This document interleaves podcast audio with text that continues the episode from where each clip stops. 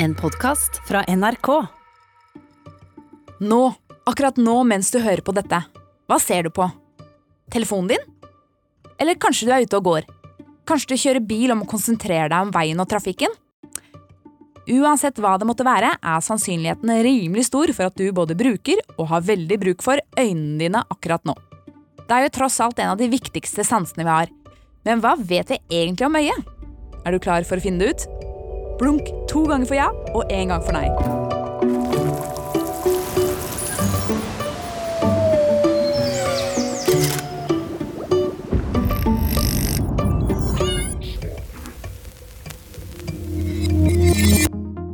Velkommen til en ny episode av Smartere på ti minutter, der jeg, Selda, forteller deg om fakta, vitenskap, historie og andre morsomme temaer som gjør deg nettopp det, litt smartere, uten at det tar deg mer enn maks ti minutter. Ah, yeah! Visste du at nesten halve hjernen er involvert når øyet ser? Øyet er utvilsomt et superkomplekst organ som krever at alt fungerer som det skal for at det skal fungere optimalt.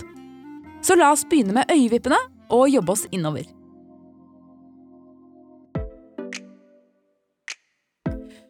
Ytterst har vi vipper og øyelokk som beskytter øyet mot lys og uønskede partikler.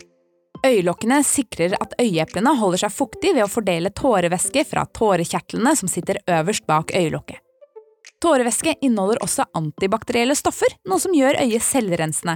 Og overflødig tårevæske forlater som regel øyet gjennom tårekanalene som går ned i nesa. Derfor får man ofte rennende nese når man gråter. Et blunk tar ca. et hundredels sekund, og vi blunker ca. tolv ganger i minuttet. Altså over 10 000 ganger om dagen. Synes du det høres mye ut? Det er nok fordi du som regel ikke merker egen blunking. Bortsett fra nå, da, nå som du antagelig tenker på det. Blunkemuskelen er nemlig den muskelen i kroppen som reagerer kjappest. Derav uttrykket 'et øyeblikk'. Men åssen ser vi? Altså, hvordan omdanner øyet informasjon til bilder og farger i hjernen vår? Det starter med at lys treffer øyet, og det første som treffes, er hornhinnen. Den ligger ytterst på øyet og samarbeider med linsa som ligger rett bak pupillen, sånn at riktig mengde lys treffer riktig på netthinna. Bak hornhinnen finner vi forkammeret som er fylt med noe vi kaller for kammervann. Deretter har vi regnbuehinnen, eller iris som vi også kaller det. Altså den som definerer vår øyenfarge. Fargen er arvelig og skyldes ulik mengde pigmentering i regnbuehinnen. Fargen på regnbuehinnen forandrer seg gjerne med alderen, og det er derfor mange nyfødte barn har helt blå øyne. Midt i regnbuehinnen har vi pupillen. Som du sikkert vet, så er den større når det er mørkt, og mindre når det er lyst. Dette gjør den for å regulere lysmengden som slippes inn. Men det er imidlertid ikke pupillen som regulerer seg selv, det er muskler i regnbuehinnen som regulerer størrelsen. Litt som en dør inn til et rom. Eller lukkemuskelen.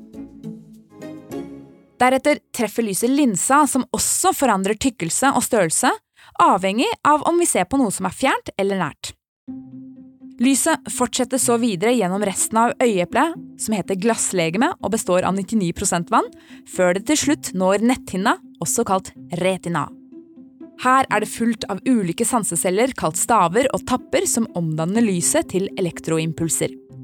Stavene registrerer kun gråtoner, mens tappene registrerer farge og gir oss skarpsyn.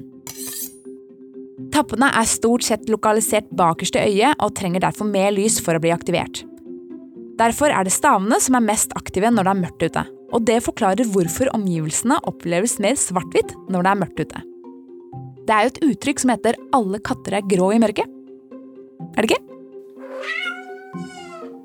Tappene på sin side er mest konsentrert helt bakerst i øyeeplet, i et område kalt fovea. Her finnes det over 200 000 tapper på 1 kvadratmillimeter. Stappfullt!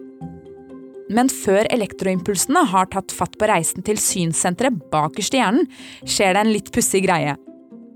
Det er nemlig slik at fordi lys går i helt rette linjer, så treffer lys som kommer fra øvre del av synsfeltet, som f.eks. fra taket, nedre del av netthinnen, mens lys som kommer nedenfra, treffer den øvre delen av netthinnen. Det betyr at bildet som først treffer netthinna vår, er opp ned. Og det er ikke før elektroimpulsene har reist til synssenteret bakerst i hjernen at bildet blir tolket og snudd riktig vei. Så det betyr egentlig at du kan ta på deg briller som gjør at du ser opp ned, og det vil være forvirrende i en liten stund, men hjernen vil til slutt klare å snu opp-ned-bildet opp ned igjen. Så når du tar av deg opp-ned-bildene, så ser du opp ned en liten stund, men det korrigerer hjernen igjen etter hvert. Hjernen er jo helt syk. Så sånn er det. Men hva skjer i øyet når man har synsforstyrrelser, altså når man må bruke briller eller linser? I 2014 rapporterte Norges Optikerforbund at hele åtte av ti nordmenn bruker synshjelpemidler. Det begrunnes blant annet med økt bevissthet rundt egen helse, men også som en konsekvens av at vi bruker store deler av livene våre foran skjerm, nettbrett og mobil. De vanligste synsforstyrrelsene er nærsynthet, langsynthet og skjeve hornhinner. Disse synsforstyrrelsene går under kategorien brytningsfeil fordi lyset rett og slett bryter feil og treffer øyet på en annen måte som gjør at bildet ikke blir tolket riktig av hjernen. Nærsynthet, også kalt myopi, kommer av at lyset ikke når hele veien fram til netthinnen, noe som gjør at det som er langt unna, blir uskarpt. En årsak kan være at øyeeplet rett og slett er for avlangt, noe som gjør at avstanden fra hornhinnen til netthinnen blir for lang. En annen årsak kan være at bildet brytes for mye før det har passert linsa. Folk som er nærsynte, har ofte en tendens til å myse når de ser på noe uskarpt. Og dette kan faktisk hjelpe, fordi dette bidrar til å slippe inn mindre lys og dermed øke dybdeskarpheten. Årsaken til langsynthet, derimot, også kalt hypermetropi, er motsatt. Lyset samles på et punkt bak netthinnen, altså det går for langt, noe som gjør det vanskelig å fokusere på ting som er nærme. Dette kan skje dersom øyet er for kort. Om øyet er for kort eller langt, har faktisk lite med vekst å gjøre, for øyeeplet vokser ikke spesielt mye etter at du har blitt tre-fire år gammel. Langsynthet er også en helt vanlig konsekvens av alderdom. Da kalles det presbyopi, og det skyldes at linsa har mista sin elastisitet og det blir derfor vanskeligere å regulere synet etter avstand. Skeive hornhinner kommer av at hornhinnens krumning rundt øyeeplet går i forskjellige retninger. Den er på en måte ujevn. Dette fører til at lyset brytes i forskjellige lengder, sånn at det ikke treffer netthinnen på samme sted. I den vanligste formen er hornhinnen krummere i loddrett retning enn i vannrett retning. Men hos eldre så ser man ofte det motsatte. Ikke bare eldre, men også hos meg. Altså at den er krummere i vannrett retning enn i loddrett retning. Øynene er et vindu inn til sjelen, sies det. Men selv om det å se sjelen er lettere sagt enn gjort, kan øynene avsløre ganske mye om både fysisk og psykisk tilstand. Et tydelig eksempel er de blanke øynene man gjerne får når man har feber. Og har man gule øyne, kan det være tegn på leversykdom. En lege kan undersøke om du har jernmangel ved å se ned på øyekarene.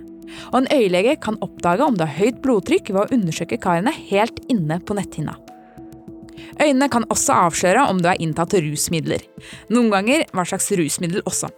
Øynene viser om du er kvikk eller sliten, og pupillen din kan utvide seg hele 45% dersom du ser på noe du finner tilfredsstillende. Så om ikke øynene er et vindu inn til sjelen, så er det på mange måter et vindu inn i tilstanden din, på både godt og vondt.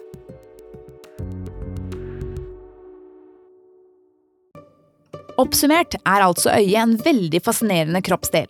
Vi blunker over 10 000 ganger om dagen og ser egentlig opp ned. Selv om øyet er veldig avansert, trenger hele åtte av ti nordmenn synshjelpemidler. Så pass godt på øynene dine, så ses vi Nei, sorry. Så høres vi snart igjen.